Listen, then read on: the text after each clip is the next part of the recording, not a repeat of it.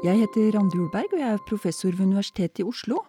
Og i dag er vi så heldige her i Psykopoden at vi har med oss professor og psykiater Teresa Willberg fra Institutt for klinisk medisin i Universitetet i Oslo.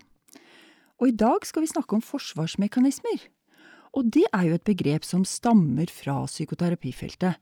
Men det har gått inn i dagligtalen. Vi snakker jo om det i, mens vi snakker med hverandre sånn i det daglige. At nå måtte jeg forsvare meg, eller å, hun ble defensiv, eller et eller annet sånt noe. Men spesielt innen psykodynamisk psykoterapi så er det å forstå hvordan den enkelte bruker forsvarsmekanismene, det er viktig, og det kan være hjelpsomt for den enkelte. Men du Teresa, hva er egentlig forsvarsmekanismer? Forsvarsmekanismer er eh, hva skal vi si prosesser vi bruker for å holde uønskede forestillinger, tanker og følelser unna bevisstheten vår. Altså ikke tenke på det som vi egentlig kanskje dypest sett er opptatt av? Ja. Holde det rett og slett unna vårt, vår bevissthet. Men det, det, er jo ikke borte. Det ligger Nei. jo der. Og hvis vi tenker på fortrengning, da, som er kanskje det forsvarsmekanismer handler om, da, fortrenge fra bevisstheten, så når vi fortrenger, så setter det også likevel spor. Altså, det blir ikke borte, men det befinner seg i ubevisstheten. Og det kan komme, altså de sporene kan gjøre seg gjeldende eksempel at det dukker opp i form av symptomer, og veldig ofte i form av angst. Mm. Så Sigmund Freud opererte jo med begrepet signalangst. Altså når noe ubehagelig og uønsket er i ferd med å dukke opp i bevisstheten vår, så prøver vi å holde det unna, men så kan vi bli engstelige ja, i stedet. Fordi jeg bare lurte på, sånn forsvarsmekanismer, for meg så hørtes det også ganske nyttig ut. Altså, vi, altså jeg, hvis det er noe trist som skjer i mitt liv, så kan jeg jo ikke tenke på det hele tiden når jeg er på jobb. Nei, og det, vi kan jo ikke ha i uh, bevisstheten alle inntrykk vi får, alle tanker, alle følelser. Så vi må fortrenge fra bevisstheten. Ja. Uh, uh, sånn er det. men ting som kanskje truer, som er viktige for oss, men, er, men på en eller annen måte truer vår selvforståelse, øh, eller er i strid med våre moralske normer, hva samfunnet sanksjoneres, øh, osv., kan vi da ha en tendens til å holde utenfor. Men vi har vi kan jo dele inn forsvarsmekanismene i mer modne forsvarsmekanismer og mer umodne forsvarsmekanismer. Ja. Og det er særlig når forsvarsmekanismene blir veldig umodne og brukes veldig rigid og ofte, at det kan bli problemer. Ja, fordi når du sier det er flere typer forsvarsmekanismer, er det sånn at det enkelte mennesket har liksom én type forsvarsmekanismer, eller noen få typer som den bruker, eller hva, hvordan er det egentlig? Altså, det er Vi bruker forskjellige typer forsvarsmekanismer i forskjellige uh, situasjoner og i forskjellige faser i livet, kanskje. Rett og slett. Men vi har vel en tendens til å benytte oss av noen. Sånn at det, er, at det kanskje er noe som preger vår personlighet, da. Eh, til en viss grad. Ja, men det liksom... er ikke et karaktertrekk, det er ikke helt stabilt og rigid. Men, men det kan nedfelle seg i karakteren vår uh, som, som, en del av personligheten. Men vi, det er også en viss fleksibilitet i dette. Ja, Men at hvis livet er ganske vanskelig, så kan man kanskje lett ty til de mer umodne forsvarsmekanismene. Ja. Men hvis det er ganske lett, og man har det godt og har gode mennesker og gode relasjoner rundt seg, så er det lettere å ty, ty til å bruke de mer modne forsvarsmekanismene, Ja. da. Og det kan ha med hvor vanskelig livet er i øyeblikket, men det kan også ha med eh, hvordan man er som person, altså i hvor mye man evner å romme inni seg av eh, forskjellige følelser og tanker som kan være uønskede, men man kan tolerere dem likevel. Så noe av den psykodynamiske terapien går jo nettopp ut på det å gjøre det indre rommet større, sånn at man har mer kontakt med og tåler mer av sitt indre følelsesliv. Ja, nettopp. Men du, modne og umodne. Ja. Kunne du si noe mer om eh, forskjellige typer forsvarsmekanismer? Ja, eh, altså for eksempel humor, da. Altså når alt synes håpløst, så kan det jo være ganske befriende å eh, dra en vits, eller prøve å se oss, noe også i et humoristisk perspektiv. Det kan være en moden måte å prøve å stå i og håndtere vanske, en vanskelig situasjon. På en annen side så kan det jo være sånn at hvis en person nesten alltid er humoristisk, så kan jo det være et uttrykk for at personen ikke evner å ta inn over seg alvorligheten ved noe. Da blir det mer, litt mer umodent. Ja. Så det er litt sånn begge deler. ja, det det har begge kvaliteter i Ja, seg på en ja, måte. ja. Men det mm, Spennende. Mm. Ja. En annen, en annen eh, eh, eh, En annen eh, forsvarsmekanisme som ikke trenger å være så umoden, men som kan være relativt moden, da, det er det vi kaller idealisering. Et eksempel på det kan jo være at man, ja, en kollega eller en venn eller en sjef er dyktig og gjør det veldig bra på et eller annet område, så kan man gi vedkommende en litt, litt oppløst, eh, oppblåst eh, eh, status, da. Altså at man kan forstørre eh, eh, verdien av den personen. Man idealiserer personen. Det kan være av og til et forsvar mot å kjenne på egen misunnelse. Kjenne at man er sjalu. Kjenne på ønsket om å rivalisere, konkurrere ut vedkommende osv. Ja. Dette gjør vi mye av, og det, man gjør det individuelt, og det kan prege også noen for eksempel eh, faglige miljøer, den type ting.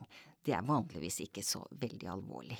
Nei. Nei. Men altså, idealisering eh, det, det, altså det, det kan også gjøre litt blind, da. For på en måte hele det spekteret det andre mennesket har av Ja. funksjon og tilstedeværelse. Ja. At man setter til side de, eh, de eh, sidene ved, ved vedkommende som kanskje ikke er like eh, hensiktsmessige eller eh, like ja, bra for et miljø, eller ja, Mm. Sånn at hvis noen skulle idealisere meg, Ja. for eksempel, Ja. så kan det kjennes ganske godt. For deg, men, ja. Ja, for Mhm. meg. Men samtidig så blir det litt trangt. For jeg får liksom litt sånn Det blir litt sånn lite albuerom til å tråkke litt skjevt eller uh, ikke være helt perfekt, da, simpelthen. Ja, fallhøyden blir jo da stor Ja. Eh, når du ikke lever opp til disse idealiserte forestillingene. Mm. Ja. Så det er litt sårbart. Ja. Ja. Akkurat. Men jeg slipper jo da å tenke at søren, Randi altså, hun jeg vil være mye bedre til henne enn henne. Ikke mm. sant? Hun er ikke så flink. Altså, eh, Nettopp. Hvis du idealiserte henne. Jeg, jeg Ja. slipper å tenke Mm. på den. Ja. Eller ta det innover meg. Ja. Mm. Nettopp. Akkurat. Det er vanskelig dette her, Teresa. Ja. Forsvarsmekanismer er komplisert, men det er veldig spennende. Mm. Skal jeg nevne en til, eller? Ja, gjerne. Som er moden og umoden, jeg vet sannelig ikke, men vi har en forsvarsmekanisme som heter reaksjonsdannelse. Det er at noe vendes til det motsatte. Det høres vanskelig ut. Ja. Ja. For eksempel, vi har jo øh, øh, Altså hvis man går tilbake til Sigmund Freud, så var jo han opptatt av at vi har grunnleggende, eh, veldig intense drifter eller følelser. For eksempel kjærlige følelser, hatefulle følelser. Som ligger under eh, mye av det vi gjør, og som vi må håndtere og kontrollere på et eller annet vis. Og sivilisere, ikke minst. Men hvis man for eksempel har Hvis man vokser opp i en søskenflokk, hvor en av søsknene for eksempel har et alvorlig handikap eller en alvorlig sykdom, og får veldig mye av foreldrenes oppmerksomhet, så kan man jo bli ganske rasende på den søsteren. Sjalu, man kan bli rasende på foreldrene, eh, eh, men at det kan kjennes ganske ulovlig å ha sånne følelser. Så kan man jo da, for å håndtere dette, vende dette til det motsatte, at man blir i overkant kjærlig og vennlig, og all aggresjon legges lokk Så man på på. en måte overdriver den andre veien, motsatt i forhold til det man faktisk veien. føler. Ja. Eh, det kan være hvis man har aggressive eller hatefulle følelser tanker da, overfor en sjef for eksempel, så kan man bli i overkant vennlig og underdanig og medgjørlig. Nå som vi er i jule... Ja, nå er vi Ja. Akkurat nå så er vi i førjul, og, og mange kjenner vel kanskje den den eh, filmen til eh, Bergman, Fanny og Alexander. Og biskopen i den filmen, som gifter seg med, med eh, Fanny og Alexanders mor eh, når faren dør, han har jo en, tilsynelatende veldig vennlig og godartet vesen. Men man skjønner jo at under der så ligger det ganske mye aggresjon og også sadistiske impulser. Så hos han har det nedfelt seg virkelig i hans karakter. Mm. Og du, da, det, det, var litt sånn eksempel på det du sa i stad, uh, Therese, at dette blir jo ikke borte. Nei. Det vi på en måte klarer å holde på avstand av tanker og følelser um, med, ved hjelp av forsvarsmekanismene, uh, det blir ikke borte. Og det kan ploppe ut på ganske uh, vonde og, uh, og, ødeleggende måter ja. i forhold til oss selv og våre nærmeste eller andre ja. kolleger og andre. Ja. Hvordan vi forsvarer oss mot eget indre liv, det får ofte betydning for hvordan vi forholder oss til de rundt oss. For eksempel forsvarsmekanismen forskyvning, da. Mm, ja. Altså hvis man er på jobb og, og har en konflikt med en kollega eller med lederen, men kanskje har øh, vanskeligheter med å stå opp mot autoriteter, så kan man istedenfor å ta den konflikten og, og, diskusjonen med kollegaen eller lederen, så kan man gå hjem og uh, kjefte på kona eller barna, eller man kan ta det ut på andre isteden, som kjennes mindre farlig. Ja. ja. Man forskyver en konflikt til, et, til, en annen relasjon, til et annet område. Mm. Mm. Er det forståelig? Det, ja, og det syns jeg hørtes veldig må føles veldig urettferdig for dem som blir utsatt for en forskyvning. Ja, ja. ja. At det blir litt sånn, kanskje litt vanskelig å forstå. At sånn at hvis jeg reagerer veldig uforståelig i forhold til en av mine nærmeste, mm. så kan det være lurt å tenke hm, har dette noe med en av mine nærmeste å gjøre? Eller har det noe med mm. kollegene mine å gjøre, mm. eller og veldig ofte så tenker vi jo litt sånn Å, jeg har hatt en dårlig dag på jobben. Altså, ja. ja nemlig, for det, det er sånn som Vi lærer oss å tenke, prøve å forstå de vi omgås, litt ut fra det. Ja, for det blir sånn som dette er i dagliglivet, rett og slett. Ja. Mm. At vi tenker litt ja, å ja, han hadde en dårlig dag, hun har en dårlig dag. Ja. ja. Mm. Eh, vi har jo også en forsvarsmekanisme som er eh, ganske viktig i psykiatrien, da. Altså det som vi kaller vending mot egen person. Altså, nå har vi jo snakket om å vende ting mot andre, eller forvandle ting på den måten, men, men øh, øh, det er ikke så Altså, det er ganske vanlig å tenke at depresjon kan være et uttrykk for at man vender aggresjonen mot seg selv istedenfor å vende den mot andre. For eksempel at man blir deprimert etter et dødsfall, et tap, øh, øh, av en person som man har ambivalente følelser i forhold til. At man også er sint på personen fordi personen ble borte, forlot en, osv. Så, videre, så kan man istedenfor å leve, ta, kjenne den aggresjonen mot den personen, vende det mot seg selv. Og så blir man deprimert og nedtrykt. Ja, at det rett og slett er noe som skjer inni en, at man ikke klarer å få tak i den, det sinnet og den aggresjonen, da. Ja. Sånn at man blir ja. Ja. trist og lei seg og faktisk klinisk deprimert. Ja. For det kan jo være vanskelig, det. Å erkjenne at man også kan være sint på, eller skuffet over, en person som man også er veldig glad i. Ja. At man har begge disse følelsene, eller mange ja. forskjellige blandede følelser overfor person. Det er ikke alltid så lett å ta det inn over seg. Mm. Mm. Ja, nettopp. Og da var du inne på noe du nevnte i stad, liksom forbudte følelser. Følelser som på en måte ikke føles sosialt akseptabelt, eller sosia akseptabelt for meg, ut fra sånn som jeg gjerne ville være, Ja. på en måte. Ja. Ja, akkurat. Mm. Så har vi Vi er jo mer nå over i, mot de mer umodne eh, forsvarsmekanismene. Men, men mange av disse forsvarsmekanismene kan jo være hensiktsmessige, men også da brukes veldig uhensiktsmessig. Og benektning er en typisk sånn forsvarsmekanisme. Benektning betyr jo at man det, det kan være enten det at man ikke tar inn over seg og legger merke til ting som foregår rundt. Altså man observerer, eller man, man, man tar det ikke inn i bevisstheten, man, det kan hende man observerer det, men man tar det ikke til seg som noe man forholder seg til. Eh, eller det kan være at man benekter alvorligheten av noe. Ja. For eksempel, altså ved en skilsmisse så kan man jo Dette er et eksempel fra eh, egen erfaring, da. Eh, hvor jeg jobbet i psykiatrien for mange, mange år siden.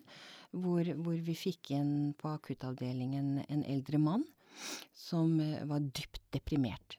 Og det kom frem at han, kona hadde gått fra han. Og han sier at det kom som en, sj- et sjokk. Det kom helt som et sjokk. Og det er jo ganske rart, for det er veldig vanskelig å legge skjul på. Helt skjul på at noe er vanskelig i et kjærlighetsforhold. Så her var det sannsynligvis noe han ikke hadde lagt merke til, eller ikke hadde tatt inn over seg. Ja. Han hadde benektet eksistensen av noe. Nettopp. Og av alvoret. Ja, kanskje fordi han ikke orket å ta inn over seg det mulige alvoret. Ja. Men en annen situasjon som er veldig viktig eh, for, eh, for oss leger, da, det er jo i somatikken at personer kan benekte eksistensen av et symptom. Eller man kan liksom bare sånn liksom, eller bare ha det sånn halvt i bevisstheten, eh, men ikke ta alvorligheten av det inn over seg. Eksempel hvis det kom, dukker opp en metastase. Symptom på en metastase, for eksempel, og så forholder man seg ikke til det. Man benekter alvorligheten av det man måtte kjenne. Mm. Det kan jo bli veldig alvorlig. Ja. Ja. Så, eh, så benekning kan være farlig, men det kan også være hensiktsmessig. For eksempel i en krisereaksjon så går man jo ofte gjennom faser. Man går ofte gjennom, får ofte en eh, krise, at man får en sjokkreaksjon. La oss si at man får en alvorlig eh, diagnose. Man får beskjed om at man har fått en alvorlig sykdom. Så kan man jo bli helt sjokkert, og så går man ofte inn i en fase hvor man kanskje benekter hvor alvorlig dette er. Og det kan være hensiktsmessig Mm. at man ikke tar inn over seg alt på en gang. Ja, sånn at det er også nyttig. Ja. Selv dette som du nå sier ikke er kanskje det vi tenker på som spesielt modne forsvarsmekanismer, Mm. så kan det i gitte situasjoner faktisk hjelpe oss. Mm. Og være veldig nyttig for oss Ja. i en tidsperiode. Ja. Ja. Ja. Mm. En annen forsvarsmekanisme, som jo også er en del av eh, dagligspråket, da, det er projeksjon. Ja. Ja, og hva skal vi tenke om Ja. det? Hva er det, Teresa? Et eksempel på det er jo at man ikke orker å kjenne sin egen aggresjon, da. Mm. Og så projiserer man den over på den andre. Altså, det er ikke jeg som er sint, men er, er, det er den andre som er sint. Ikke sant? Man legger det ut på den andre. Og da slipper man jo å kjenne på sin, sitt eget sinne. Problemet med det er jo at da blir jo omgivelsene litt sinte, og litt Altså, den andre personen fremstår som sint Ja. i ens egen forestillingsverden. At nesten vender, vender seg, omgivelsene vender seg mot en selv. Ja. Ja. Og hvis man bruker mye projeksjon, så kan jo verden rundt fremstå som ganske fiendtlig. Ja. Så, og i, i, i mer alvorlige former så kan man jo bli rett og slett paranoid. Man tror at andre vil en vondt. Nettopp. Mm. Og det kan jo være veldig smertefullt. Ja. Ja. Mm. Det er utrygt, i hvert fall. Ja. Mm. Ja, vi har flere på lista vår. ja, har du et par til? Ja. ja, Vi har det. Splitting.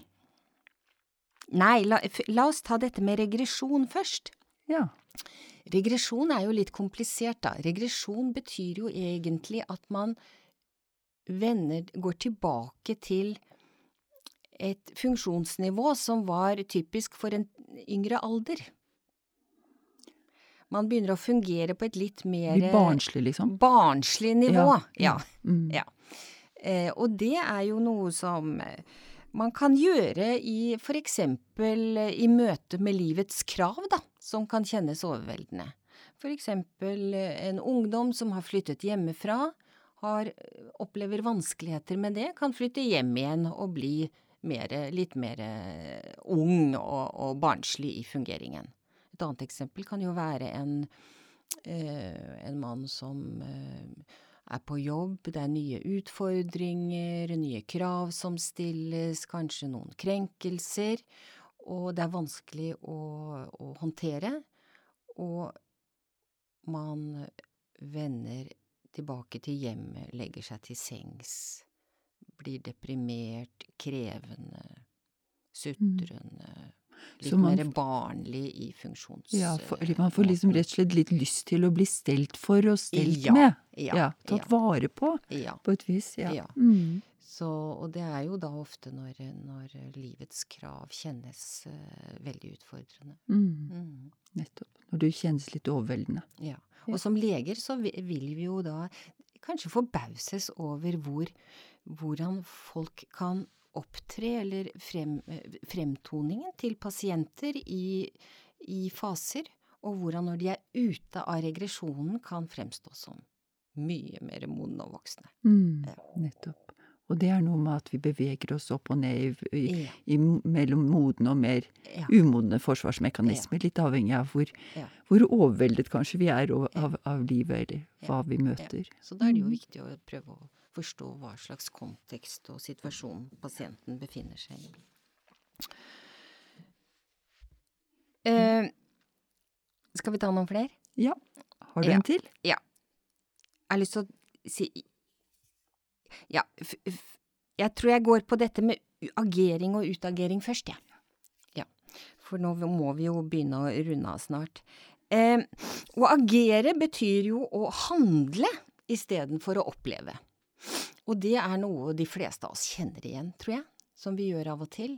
Vi, hvis noe er vanskelig i livet, så kan vi for eksempel begynne å jobbe mer enn det vi pleier. Altså kaste oss ut i arbeidsaktiviteter, eller begynne å trene mer, for å, istedenfor å ta det litt med ro og prøve å kjenne etter hva som foregår.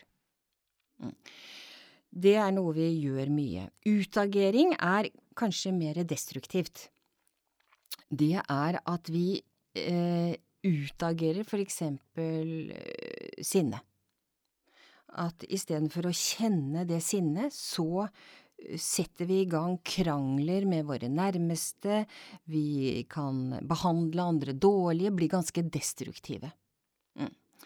Eh, så det er jo Du sånn kaster kaste servis og sånn når man blir sint? Det er skikkelig utagering. Det er skikkelig utagering. Ja. ja og begynne å slå og, ja, kjefte og på barn og, og, sånn, hvis man har det vanskelig selv. Mm. Så, så, det kan være ganske vanskelig for omgivelsene å mm. håndtere.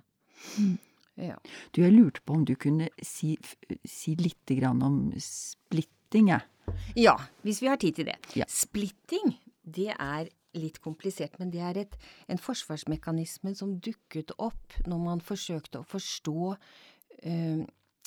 dynamikken i emosjonelt ustabil personlighetsforstyrrelse, eller det man eh, på engelsk kaller borderline mm, personlighetsforstyrrelse. Der er en, en tanke at eh, hos eh, noen av eh, de personene som har denne personlighetsproblematikken, så må kjærlighetsfylte og aggressive impulser holdes fra hverandre.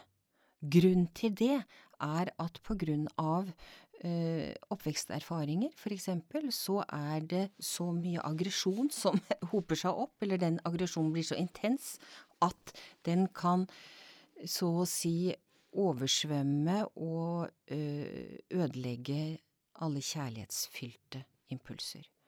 Sånn at for å holde fast i noe som er godt og kjærlighetsfylt, så må det holdes borte fra det aggressive. Og det vi ser i det kliniske som tegn på splitting, er at noen av pasientene våre, de kan være veldig elskverdige og vennlige eh, i en situasjon, overfor oss, da, mens i en annen situasjon kan de være ganske aggressive. At det er som om det kjærlighetsfylte og det hatefulle ikke er integrert med hverandre. Nei, det henger på en måte ikke sammen. Det kan ikke, det det kan ikke være det begge deler. At Ja. jeg for eksempel syns at du er en veldig ålreit kollega, Mm. og at eh, samarbeid på et eller annet punkt kunne være utfordrende, så ville jeg skilt det helt fra, så ville jeg synes at du var helt strålende, og så plutselig ville jeg synes at du ikke var noe strålende i det hele tatt. Virkelig tvert imot. Ja. Og at jeg ikke kunne klart å holde det sammen på et Ja, vis. ja. For det er jo noe av det som er en utviklingsoppgave, eller eh, en en vanlig utviklingsprosess, det er jo at disse kjærlighetsfylte og hatefulle følelsene, de blir integrert, og når de blir inki- integrert, så blir de også modifisert. Sånn at vi ser på oss selv og på andre mennesker som ja, gode sider og litt dårlige sider, men det er ikke så intenst. Mm. Det er noe av det vi legger i det eh, Ja, når vi forstår noe som integrert. Men selv dette er jo noe som vi alle har i oss til en viss grad. ja. utviklingsmessig, og at vi ikke skal få panikk om vi plutselig kjenner at det blir både litt svart og litt hvitt for oss. Nei. At det er sånn det er faktisk å være menneske. Og sånn blir vi av og til. Det Ja. som er tegn på at vi er litt mer modne, kanskje, er at vi henter oss inn. Vi henter oss inn. Vi jobber med det, Teresa. Vi prøver å hente oss inn. Ja, men dette var veldig spennende, Teresa. Og, og det er jo sånn at i psykodynamisk psykoterapi så, så utforsker vi jo forsvarsmekanismene eh, ganske mye og bruker det aktivt i terapien. Og at det, og målet med det er vel at vi skal prøve å, å, å få hjelp når vi går i den typen terapi, til å få litt modnere forsvarsmekanismer, forstå litt mer hvilke forsvarsmekanismer vi selv bruker, og sånn at vi kan velge litt og hente oss lettere inn. Og at vi ikke blir så redde for det som vi har eh, av forskjellige følelser inni Ja, og at vi ikke blir så redde for følelsene våre. Ja. Mm. Tusen takk, Teresa Wilberg, for eh, at du ville komme hit til Psykopoden og snakke om forsvarsmekanismer. Og takk til Morten Skoglund ved Seksjon for medisinsk informatikk, Universitetet i Oslo, som har ansvar for det tekniske og støtter oss i dette.